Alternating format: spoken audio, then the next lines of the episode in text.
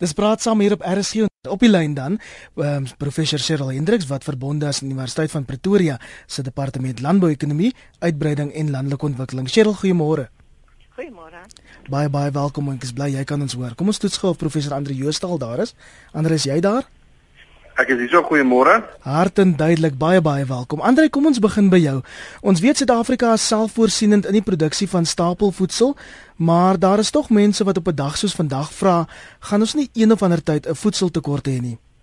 Maar ek ek ek dink nie ons is uh, naby die punt waar ons 'n voedseltekort gaan hê nie. Suid-Afrika um, het bewys dat hy oor die afgelope paar dekades uh, genoeg voedsel kan produseer vir die vir die mense op 'n nasionale basis en dan het ons ook 'n handelsbeleid van so 'n aard dat waar daar wel tekorte is dat ons dan daai voedsel uh in die land kan invoer.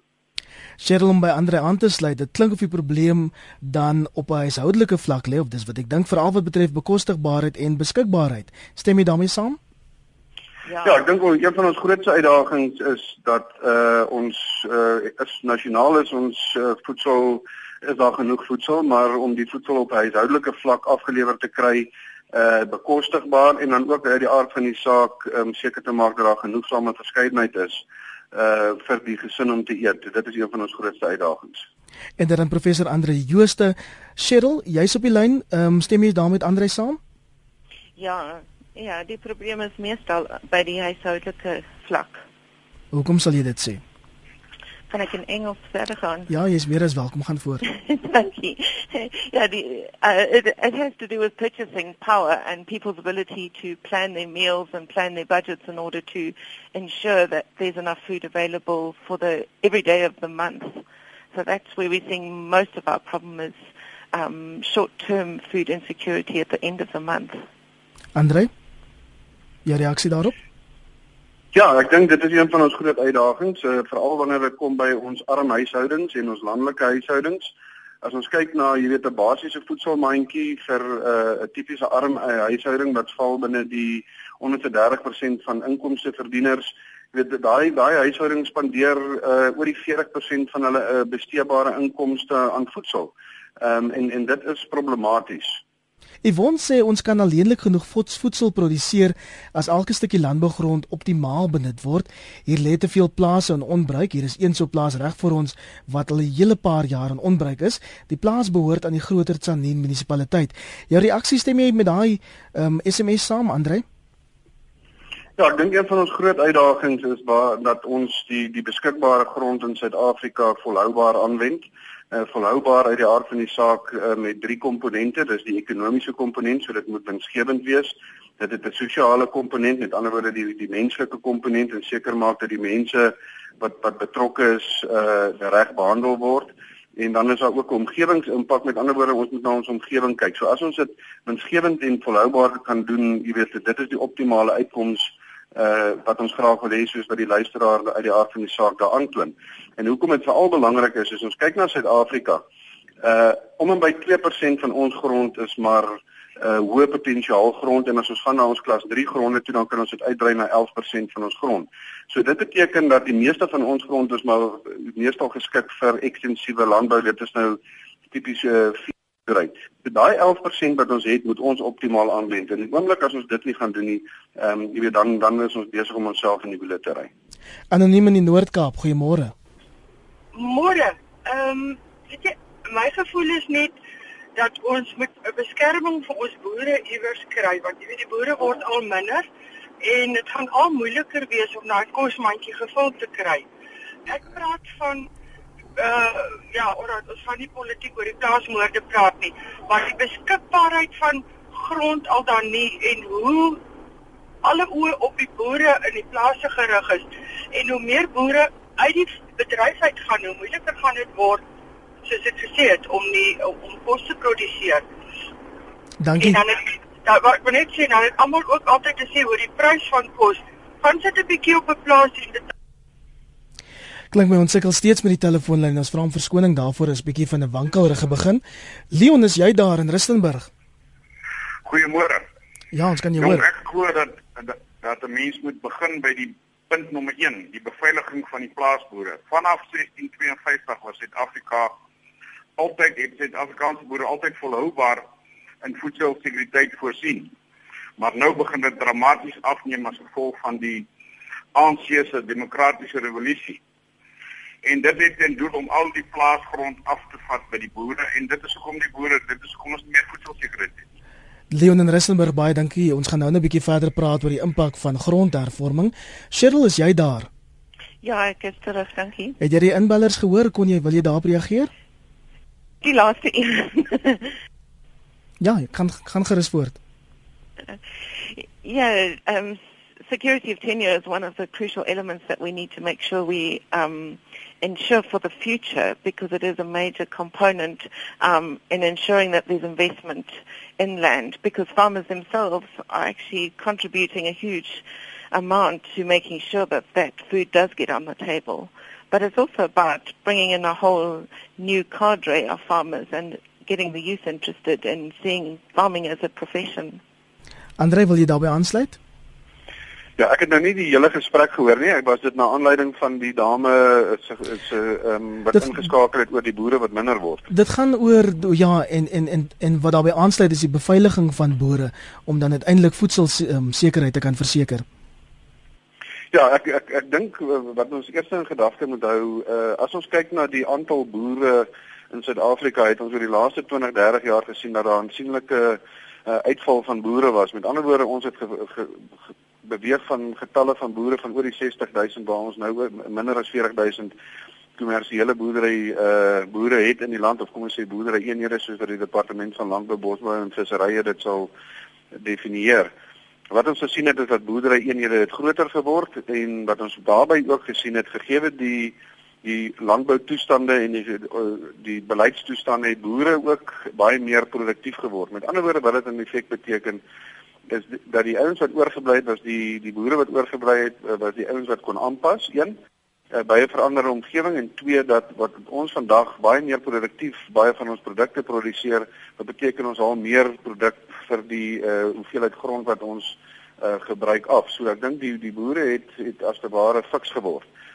Ehm um, dit is wel uiters belangrik dat hierdie uh, boere wat wat ons vandag op die grond het 'n uh, omgewing geskep word waarbinne hulle kan kan uh, produseer en dit sal insluit die normale veiligheid met ander woorde die die teenkamping van plaasmoorde en al daai tipe goed maar ook vir die skep van 'n veilige ekonomiese omgewing waarbinne hulle kan uh, doen wat hulle die heel beste doen en en dit het baie implikasies in terme van beleid waar beleid uh, so georiënteer moet word sodat hy 'n stabiele omgewing kan skep vir die boer om te doen wat hy veronderstel is om te doen. Gerrie in Boksburg, kan jy ons hoor?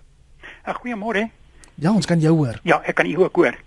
Uh, ja, ek wil net graag my mening lig omtrent die uh pryse van van uh, weet mielies en dan mieliemeel by die verbruiker betaal. Die die boer moet um, dra al die onkoste, weet al sy uh, oorhoofse kostes plus nog die vervoer van mielies na die silo's en in Julie maand is die prys gewees 1670 rand per ton terwyl die verbruiker daardie tyd R34.59 vir 'n 5 kg uh, gesifte mieliemeel betaal het wat uitwerk teen R69 vir 'n 10 kg wat jou R6900 per ton gee. Jy weet en en dan in dieselfde wat snaam hierdie ehm um, Ja, leweringsjaar al, alreeds het hulle om uh, 93% van die oes is gelewer, maar 65% van dit is alreeds uitgevoer uit die land uit. Dit gaan na die midde Midde-Ooste toe. Ons voer daardie lande terwyl ons eie mense so, so. Nee, lyk my ons het nou nog 'n luisteraar daar verloor. Ons vra weer eens om verskoning vir die telkomprobleme vanoggend. Dit maak die gesprek bietjie moeilik om aan die gang te kom. Maar Andre, heelwat SMS'e van luisteraars ook nou inbeller gehad wat melding maak van die hoë kospryse en dis 'n tendens wat ons eintlik al van 2008 af sien. Hoekom is dit?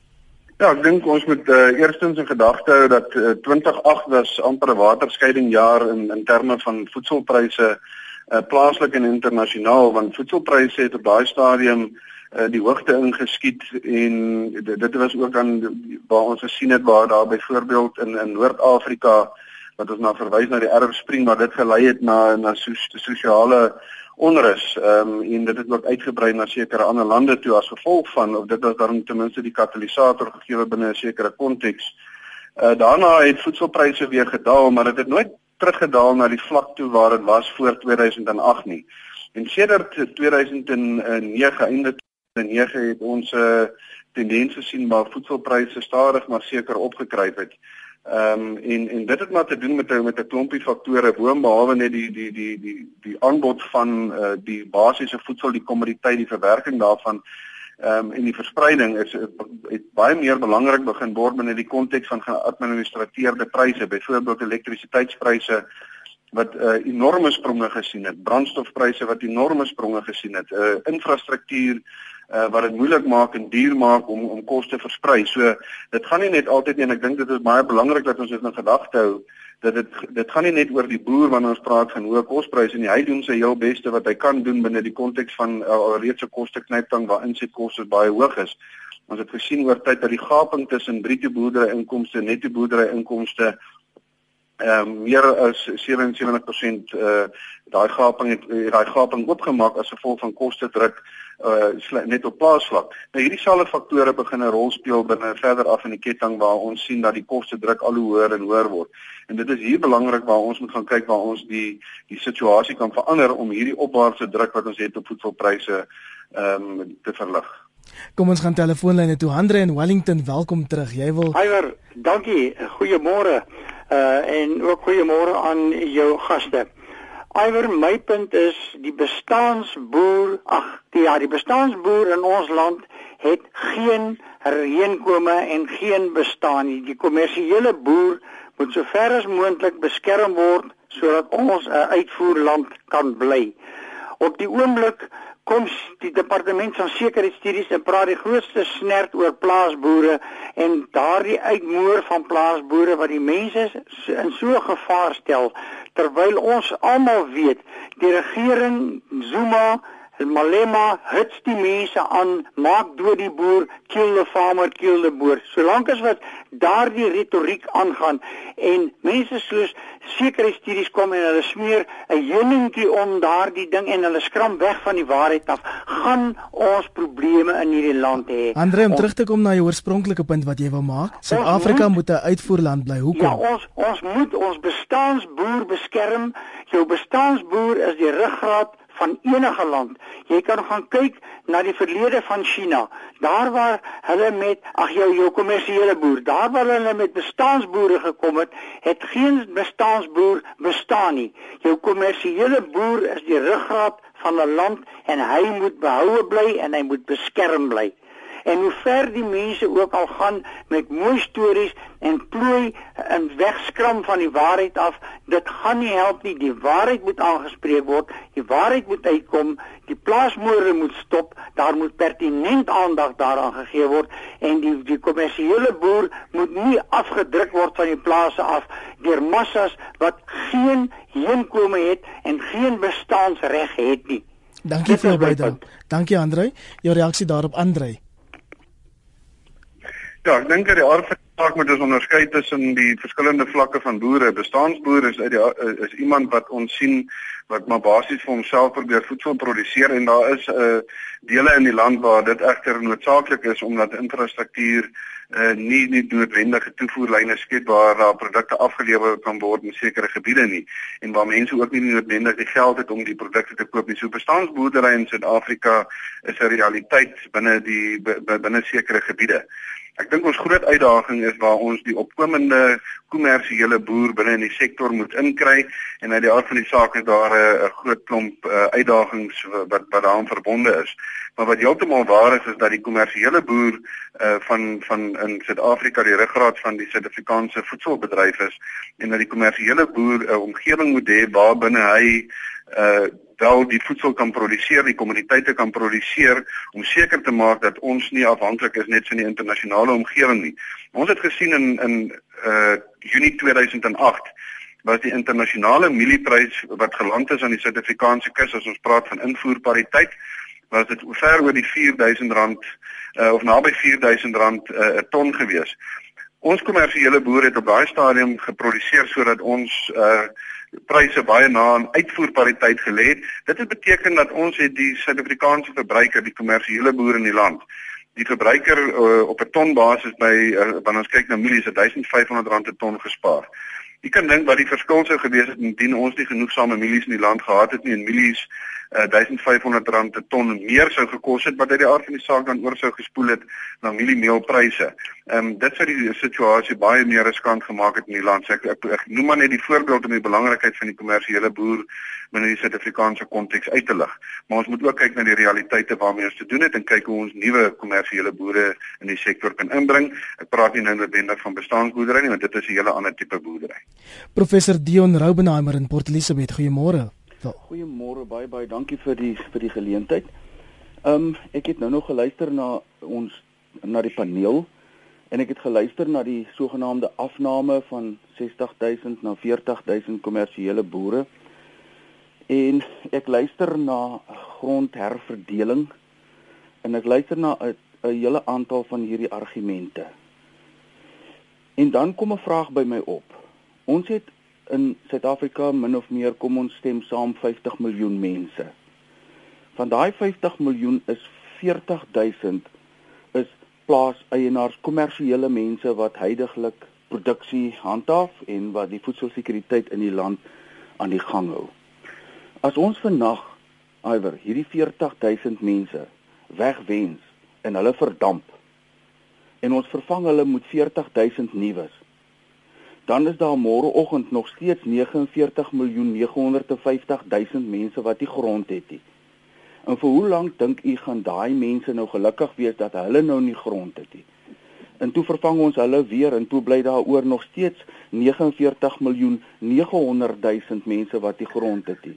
En so kan ons nou aangaan met gevolg die gevolgtrekking waartoe ek kom is dat hierdie hele beredenering van grondoordragte en transformasies en al daai goed het met voedselsekuriteit nul uit te waai. Inteendeel, dit gaan die hele voedselsekuriteitsketting opbreek.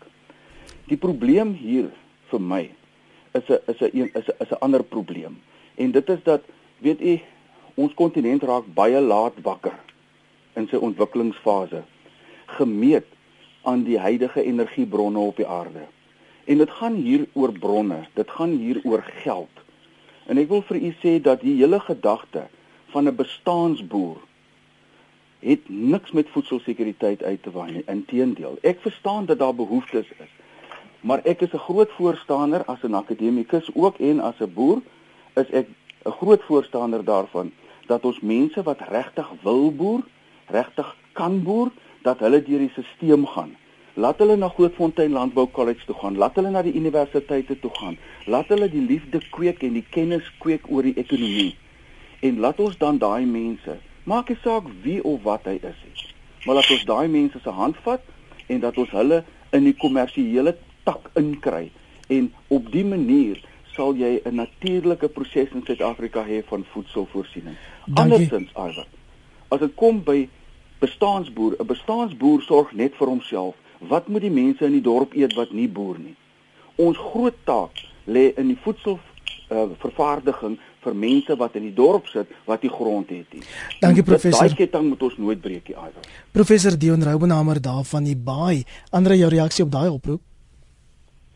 Ja, ek, ek dink soos ek genoem het, uh, die bestaansboer is is is is heeltemal 'n ander konsep en dit is huise sinne wat vir hulle self wat vir hulle self kos maak en ek dink nie die groot fokus is daar nie. Dit gaan rondom die opkomende kommersiële boer binne die konteks van die kommersiële sektor uh van vandag. Ehm um, en ek dink uh, die professor is heeltemal reg dat daar is 'n klompie tekortkominge binne die huidige stelsel Uh, dit gaan nie net oor die vervanging van huidige boere nie, dit gaan om die aard van die saak op die einde van die dag om die koek groter te kry en dan begin dit dan begin dit 'n hele ander prentjie raak rondom kwessies soos produktiwiteit, die opleiding van boere, ehm um, die die ondervindingskennis van boere. Ehm um, ek het 'n 'n storie wat ek altyd vertel en en ek gaan dit nou nie so lank storie maak nie, maar die die die kommersiële boer vandag op die plaas het basies al begin toe hy 2 jaar of hy of sy 2 jaar oud was en langs uh die pa in die bakkie gesit het en op die lande rondgery het, op sewe begin trekker bestuur het, op uh 10 al begin uh stroper bestuur het, uh op 12 13 al die die waar met die trekker na die silo toe gevat het, saam met die pa in die in die koöperasie gaan onderhandel het en gaan kyk hoe die hoe die hoe die hoe die uh insette aangekoop word, dan gaan hy universiteit toe en as hy terugkom van die universiteit af en sê pa nee, maar jy's nou te slim vir my op die plaas. Ek dink jy moet so 'n bietjie in die privaat sektor gaan werk en dan gaan maak hy 'n draai in die privaat sektor. En dan kom daai uh, hy of sy eers terug hierop uh, ergens in die 30s of in die vroeë 30s of vroeë laat 20s, dan het daai persoon al byna 30 jaar, 28 jaar uh, se kennis opgedoen voordat hy terugkom na die plaas toe Ehm um, en en en nou probeer ons dieselfde 30 jaar probeer ons nou baie keer in 2 2 jaar of 'n jaar indruk. Ehm um, uit die aard van die saak is dit 'n bietjie onrealisties. Ek wil dryf die storie so 'n bietjie maar ek, ek probeer net daardeur beklemtoon dat wanneer ons kyk na nuwe mense op grond opbring moet ons nie verwag dat daar gaan van die eerste dag of van hierdie mense weet uh wat wat op die grond aangaan en dit is so goed jy vat enige stadsaapie en jy gaan sit hom op die grond neer. Ehm um, weer eens so dryf ek so 'n bietjie maar dit, maar dit, maar dit is ongelukkig die realiteit waarmee ons sit. So wanneer ons nuwe boere uh in die sektor inbring, ehm um, is daar 'n paar goeders wat ons wel moet doen. Dit is nie teenstaande die feit dat daai boer gaan dieselfde realiteite na na die hoof moet bied soos uh elektroor elektrisiteitspryse, die koste net dan diesel, arbeid en al daai goeders dit, dit gaan nie verdwyn nie. Ek wil hê met die gesprek bietjie swaai na van die ander kwessies wat 'n mens kan belig hier tydens Wêreldvoedseldag onder andere 'n tweet van JP wat sê jy kan wit, swart, geel of bruin boere grond gee, maar as dit droog is of daar veldbrand is of vrektes van diere is, lei ons almal. Heel wat luisteraars wat vra Andrei dat ons sal uitbrei oor die impak van droogtes op voedselsekerheid in die land. Ja, ek dink uh die die die, die luisteraar is is heeltemal korrek. Uh, wanneer dit kom met natuurrampe uh, dan ken dit uit die aard van die saak geen geen kleur nie. En en dit is waar dit nou baie belangrik raak is dat wanneer wanneer daai tipe goeders plaasvind, uh is dit krities dat die regering 'n spesifieke rol daarbinne moet vervul en dat dit ook dan tydig moet vervul. Ehm um, met ander woorde om daai buffer te, te kan skep om seker te maak dat daai boer op die grond op die grond uh, wel bly. So ek dink dit is belangrik dat ons moet seker maak dat elkeen sy sy spesifieke rol moet vervul. Wanneer dit kom by die ekonomiese impak daarvan, gaan ek weer eens 'n voorbeeld gebruik. Wanneer ons kyk na laas jaar se se se mieliehoes wat ons in Suid-Afrika gehad het, het ons byvoorbeeld uh, baie lae voorraadvlakke gehad as gevolg van jy weet dinge wat nie heeltemal reg geloop het nie. En dit het dit veroorsaak dat mieliepryse in die begin van hierdie jaar weet basies deur die dak geskiet het. En toe kom ons nou met ons nuwe oes en alles loop baie mooi reg en ons sit heidaglik met met uh, uh, uitstekende voorraadvlakke en dit het uit die aard van die saak nou nou ook pryse binne die Suid-Afrikaanse konteks afgedwing. Ek probeer net die punt maak dat wanneer ons tekorte aan voorrade het uh, van ons produkte gaan pryse uh gaan pryse die in die in die hoogte inskiet en wanneer daar heeltemal genoeg voorraad is dan gaan pryse laag wees dit is dit is dis dis wel belangrik dat ons ons binne hierdie volatiliteit wat daar so is en wat afhangende van van weer is uh ehm um, onsself moet kan bestuur. So veel SMS'e onder andere van Christine wat sê ek dink hoe meer mense hulle eie groentetuintjies het, hoe beter. Ons kerk het al vir mense geleer hoe om groentetuintjies te maak in 'n baie baie klein spasie en ons uitreik na 'n plaaslike plakkersbuurt. Lin sê die mense moet hulle eie groentetuine begin. My tannie koop koop glad nie meer groente nie, hulle eet uit die tuin en dis 'n sentiment wat Louise ook deel en sy sê elke dorp in die land het oorvol tronke. Laat hulle groentetuine maak, daar is oorgenoeg beskikbare grond. Andrei, wat sou jy as tans ons grootste grootste uitdaging in Suid-Afrika beskou? Is dit dalk aan die kant van geprosesseerde voedsel? Ja, ek ek dink as ons kyk na die handelsbalans van van landbou uh, kommoditeite en produkte, ons is 'n uh, netto uitvoerder van landbou kommoditeite en dit word nog grootliks gedryf deur ons vrugtebedryf. Ehm uh, maar die die die punt is ons is 'n netto netto uitvoerder. Ehm um, ek moet dalk net die punt maak dat ons voer wel uh koring in want ons produseer nie genoegsame koring uh, binnelands nie. Maar wanneer ons na die geprosesseerde prosesseringsbedryf kyk, dan is ons 'n netto invoerder. Met ander woorde, die meeste van ons geprosesseerde voedsel word ingevoer en hier praat ons van goeie soos rys wat ons nie plaaslik produseer nie.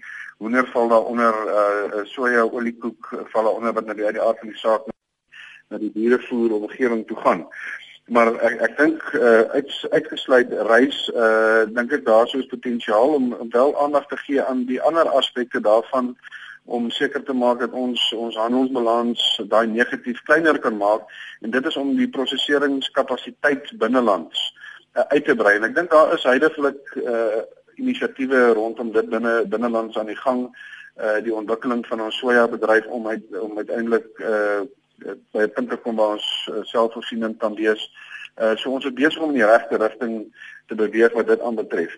Maar maar die maar die, die kelpunte is is goeder soos in infrastruktuur, die die koste van elektrisiteit. Uh as jy uh proseseringsfasiliteite in sekere landelike dele wil opsit, um, is daar toegang tot elektrisiteit om daai fasiliteit en fabriek aan die, aan die gang te hou uh op 'n 24 uur basis om skaalekonomie te kry. Uh die vlak van opleiding van mense om in hierdie fasiliteite te kan werk. Uh is die handelsbeleid van so 'n aard dat dat daar dat daar 'n buffer is om hierdie nuwe um, aktiwiteite eers kans te gee om in die gang te kom. So hier's hier's 'n klompie goeders waarna 'n mens moet kyk. Gerard en Port Elizabeth, goeiemôre.